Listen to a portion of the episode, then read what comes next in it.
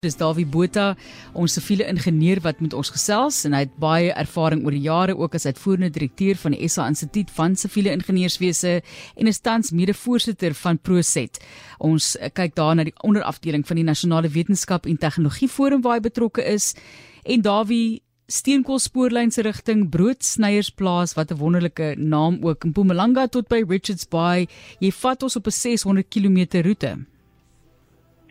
Dis reg, Matelies, en ek gaan nou so 'n bietjie probeer om maar die uh, inligting in te kort.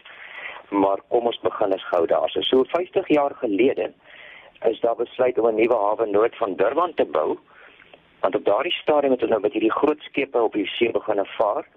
En toe besluit die Transvaal Coal Owners Association om 'n kontrak met die Japaneese staalfabrieke af te uh, sluit om 2,7 miljoen ton steenkool per jaar te lewer. Nou dit klink 'n verskriklike klomp vir 'n tydperk van 10 jaar.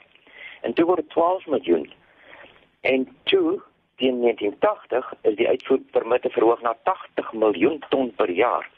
Nou net so ek gaan op 'n paar keer syfers noem, miskien bietjie moeilik om te bevat, maar op daardie stadium is geskat dat teen 80 miljoen ton per jaar kan ons reserves uh het ons reserves vir oor die 30 jaar gaan ons net 5% van ons reserves gebruik. Nou dit wys nou vir jou hoe steenkool sit hier in Suid-Afrika.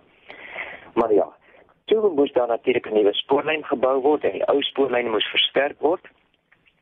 En dit alles na 1972 die besluit is gekom dat in 4 jaar se tyd moes die spoorlyne gebou word en die hawe moes gebou word en ek kan vir julle sê dis 'n unieke prestasie natuurlik.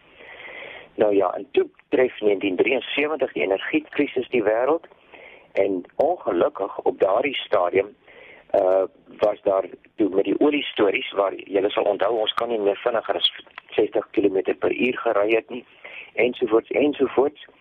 En toe vra die wêreld nog meer en meer steenkool. Net so terloops Suid-Afrika is in staat om 'n hele klomp kwaliteitsgrade steenkool uit te voer uh en te myn En ons het 'n uh, goeie naam verwerf met daardie een want steenkool is nie sommer net steenkool nie. Verstaal dat jy een soort nodig vir verbranding, 'n ander soort ensovoorts ensovoorts. Maar ja, vir hierdie spoorlyn wat ons nou vandag oor praat om so 'n klomp steenkool te vervoer, het jy baie lang treine nodig gehad en baie baie swaar asbelastings. En dit beteken die hellings moet so klein as moontlik wees, die draai nie te skerp nie Die spoorstawe moet ekstra sterk wees en natuurlik die dwarsleers ook.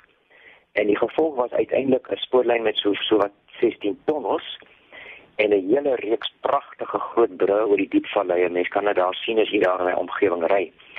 En die lokomotiewe is 'n ander storie. Gelykstroom elektriese lokomotiewe van daardie tyd wat in bedryf was. Hulle lewer so 2200 kW. Maar vir die styler gedeelte het hulle besluit om die wisselstroom lokomotiewe te gebruik So dis nog twee elektriese stelsels ook want die lokomotiewe kon so vir 3000 kW elk lewer. Treine 74 trokke lank sou hulle wees. Elke trein 6000 ton steenkool vervoer. Maar nou reken 'n bietjie uit. Dis 1600 treine per jaar om net 10 miljoen steenkool by die hawe te kry. So vir 180 miljoen het 128000 treine nodig. Ek hoop my wiskunde is reg julle.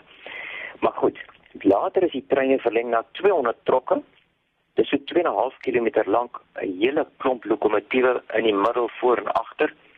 En op 'n keer kon hulle kan hulle natuurlik 20000 steen ton steenkool vervoer. Daar moes ook baie lang uitwyk spoorlyne gebou word uh waar die trein mekaar kan kruis. Want as jy nou kan dink, 2.5 km lank trein en 'n mens moet met jou moderne sein en signaalstelsels wat jy nodig het, baie baie mooi dop wat op so 'n ding aangaan op so 'n lyn. Dis 'n logistiese uitdaging. Nou ek gaan nou vinnig net gou probeer om oor die trokke te praat. Self die trokke wat sou julle dalk ook al opgelet het, lyk of hulle vreeslik sleg geroes het. Maar die feit is dat dit spesiale staal is wat 'n roeslaagie ontwikkel en dan beskerm die roeslaagie die staal teen verdere verwering.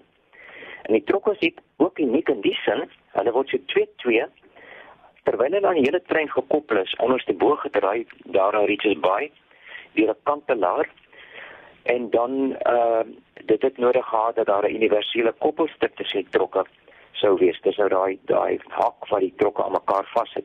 Engelse praat van 'n universal joint.